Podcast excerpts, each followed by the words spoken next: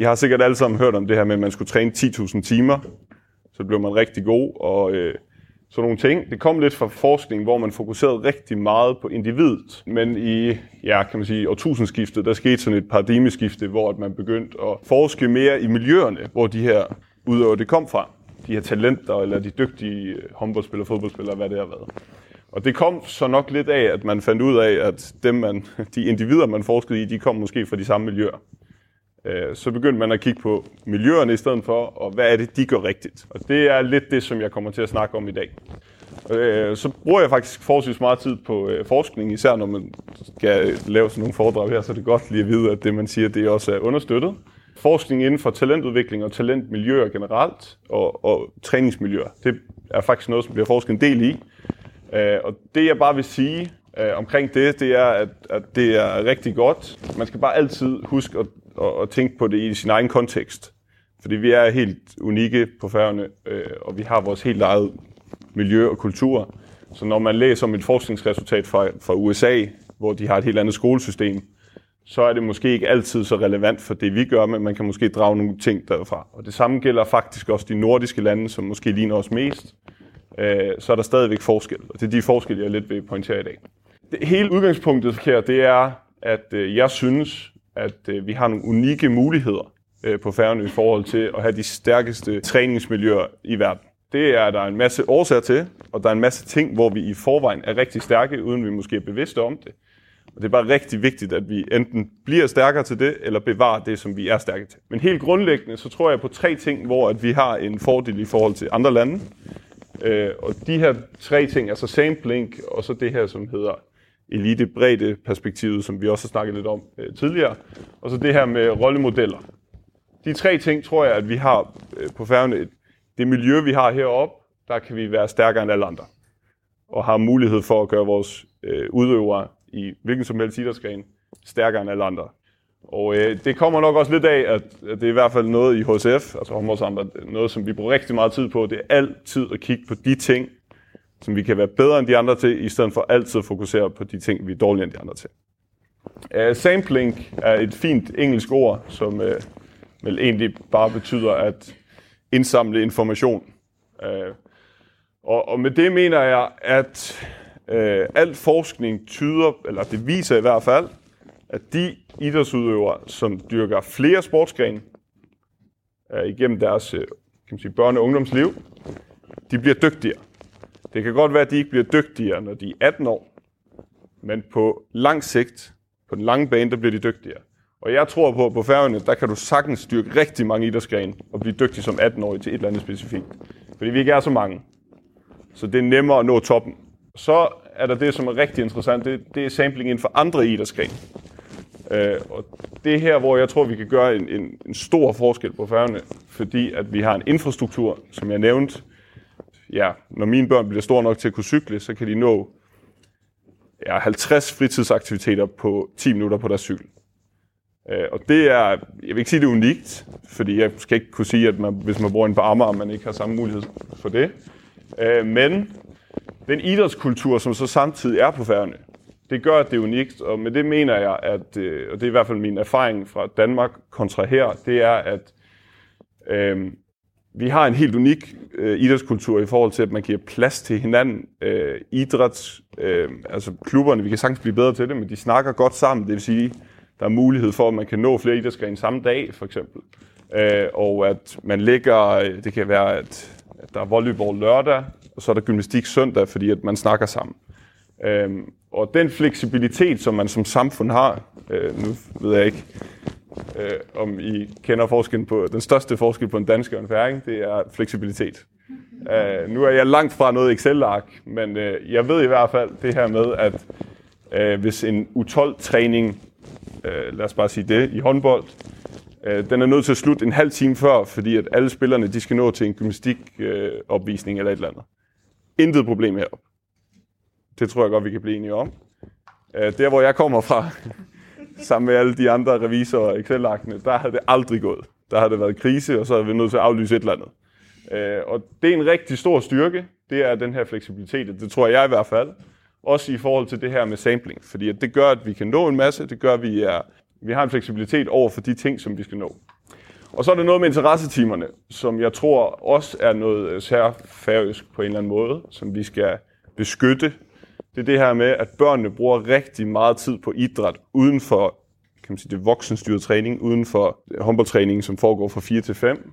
Så kommer de en time før i hallen, så tager de afsted, og så, nu tror jeg, at stykke I havde et eksempel med, at de brugte meget tid nede i Biltjørn, kom alle mulige steder fra.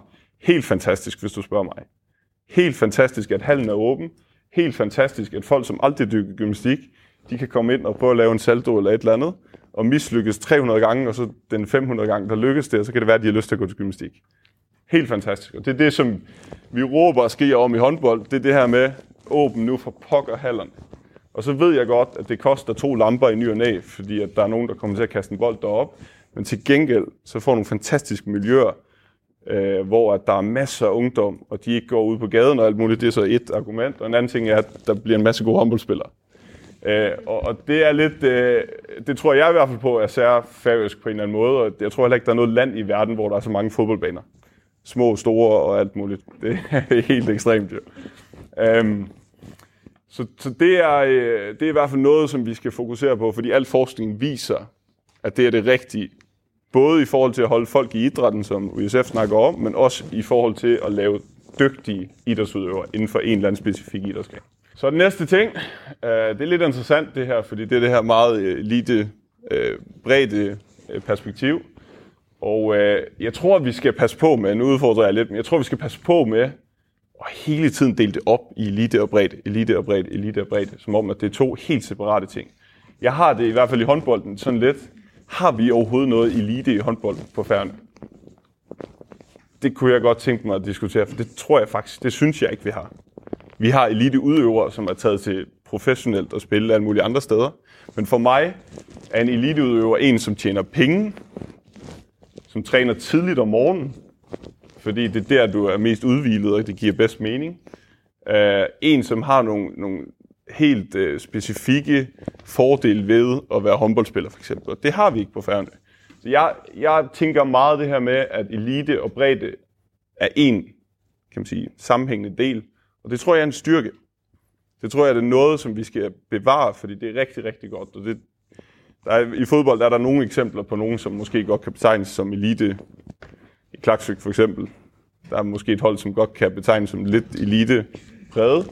Øh, men ellers så tror jeg faktisk ikke, der er specielt mange steder, som er elite præget på færgerne. Øh, og det tror jeg er en styrke. Øh, og med det mener jeg, at at de fordele, der kan være i det, og der kommer nogle eksempler på her, øh, måske. Ja, øh, nogle af de fordele, der er, det er for eksempel, eller nogle af de ting, der er omkring det her med, at eliten skaber bredden og omvendt, som vi skriver, det er det her med, at man skal kunne som træner magte at fagne flere niveauer til træning. Og med det mener jeg, at vi, eller jeg skal måske starte hernede.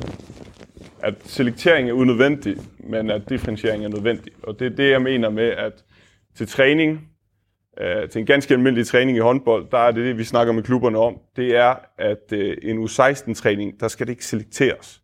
Så skal der heller ikke en U12-træning. Det vil sige, vi skal ikke have et A-hold, der træner i den ene ende, og så skal vi have resten, der træner i den anden ende. Det er bare et no-go. Øh, det vi snakker med vores klubber om, det er, at man kan godt differentiere med fornuft. For eksempel i en opvarmningsøvelse. Der er det ingen betydning, om en A-holdspiller er sammen med en D-holdspiller så kan man godt blande kortene der for, for de sociale ting.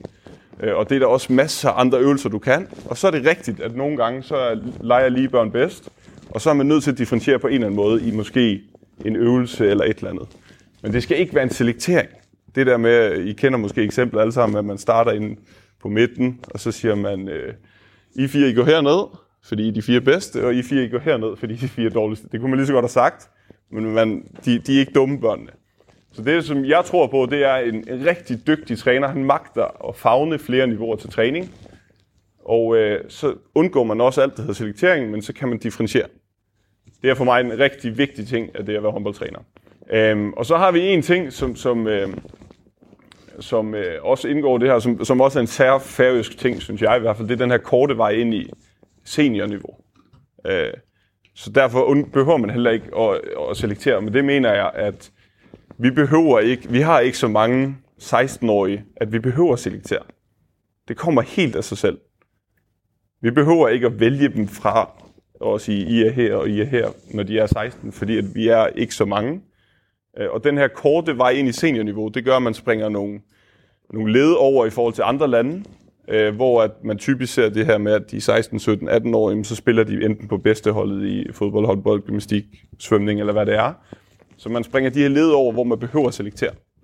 Øhm, og den her korte vej ind i seniorniveau, det behøver nødvendigvis ikke at være en dårlig ting. Og det kræver igen ekstremt meget af trænerne, men, men jeg ser det lidt sådan, at at hvis du kommer op og spiller med seniorniveau, så stiller det selvfølgelig større krav, men hvis du har en dygtig træner, som kan administrere det for en enten spiller eller udøver, så, så er det faktisk en fordel, for der er også rigtig meget fokus, og der er også rigtig mange gode ting, du trækker ud af det at være på seniorniveau, selvom niveauet måske er mindre, lavere her end andre steder, så er det stadigvæk mange af de samme mekanismer, der går igen.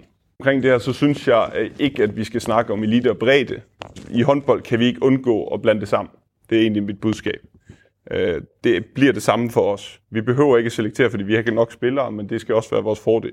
Fordi som jeg nævnte, det her med de store overgange, det er ofte de bedste miljøer, det er ofte der, hvor der kommer dygtige spillere, men også mange spillere, som så senere kan blive trænere, dommere, og alle de her ting, bestyrelsesmedlemmer osv. Og så den sidste ting, som også er lidt en, øh, en særfærøsk øh, ting, og det er også lidt det her med, at vi ikke har øh, professionelle spillere. Fordi at, det gør jo, at, at de arbejder, de går i skole, og dermed har de en akkurat samme dagligdag som en U10-spiller. Og det vil sige, at de er jo ekstremt synlige i miljøerne. Og den her synlighed, den er mega undervurderet, fordi der er jo, altså deres kæmpe rollemodeller som 10-årig, det er jo de ældste. Og det, det er noget, vi skal bevare, for det er ikke noget, man har andre steder. Du skal ikke tage længere end til Island, ved jeg, i håndbold for eksempel. Men der er flere af de her professionelle miljøer, så træner de om morgenen, de har deres eget omklædningsrum, de er overhovedet ikke synlige i miljøet. Og, og hvis de, de gode klubber, de dygtige klubber, der er bare sådan ting som at sige hej til en 10-årig, når man kommer ind i hallen. Smile til dem, måske lige kende navnet på dem, Måske lige spørge, om øh, man ikke lige skal tage et straffe på dem. Det betyder, det betyder hele verden. Og jeg er slet ikke i tvivl om, at det betyder også meget for, at den 10-årige bliver ved med at dyrke sporten. Og, og det er også en del af årsagen til, at de vælger det miljø. Øhm, og så skal man inkludere rollemodellerne i miljøet. Uh, det tror jeg er rigtig vigtigt. Da jeg kom til Højvik uh, som, som ungdomstræner, så en af de ting, jeg gjorde, fordi jeg også spillede på, på hos mændene, og det var, altid, det var allerede der en lidt integreret del af, ting, eller af miljøet, det var, at alle spillerne, selvom de ikke tjener en krone på det, så blev de træner en gang om ugen. Uh, nogen vil gerne være det tre gange om ugen, nogen vil gerne med til kampe og alt muligt. Helt fantastisk. Det var også okay, de bare var der en gang om ugen. Så fik vi inkluderet de her rollemodeller i miljøet, hos U10 piger, så stod der lige pludselig en af mændene og trænede dem en gang om ugen. Og det kan godt være, at der var ikke noget, de, altså, de ville være alle andre steder, hvis du spurgte dem. Men de var der, og de gjorde det. Og for dem, der så slet ikke kunne af en eller anden årsag, så var de bare dommer i weekenden. Og det er en af de ting, som har gjort det rigtigt, til et rigtig stærkt miljø. Det er det her med, at når den her 10-årige så bliver seniorspiller, så, så er det jo bare en integreret del af det miljø, at når man, så skal jeg bare være træner samtidig med, at jeg spiller på bedsteholdet. Og øh, så får man reproduceret den her kultur, så den bliver ved med at gå igen, og det gør jo også hele miljøet stærkere. Hvis jeg sad i en bestyrelse ude i en eller anden øh, klub eller forening, så var en af de ting, som jeg vil sige, men kan du ikke være træner én gang om ugen for de 12 år? Jeg er slet ikke i tvivl om, at det gør en kæmpe, kæmpe stor forskel.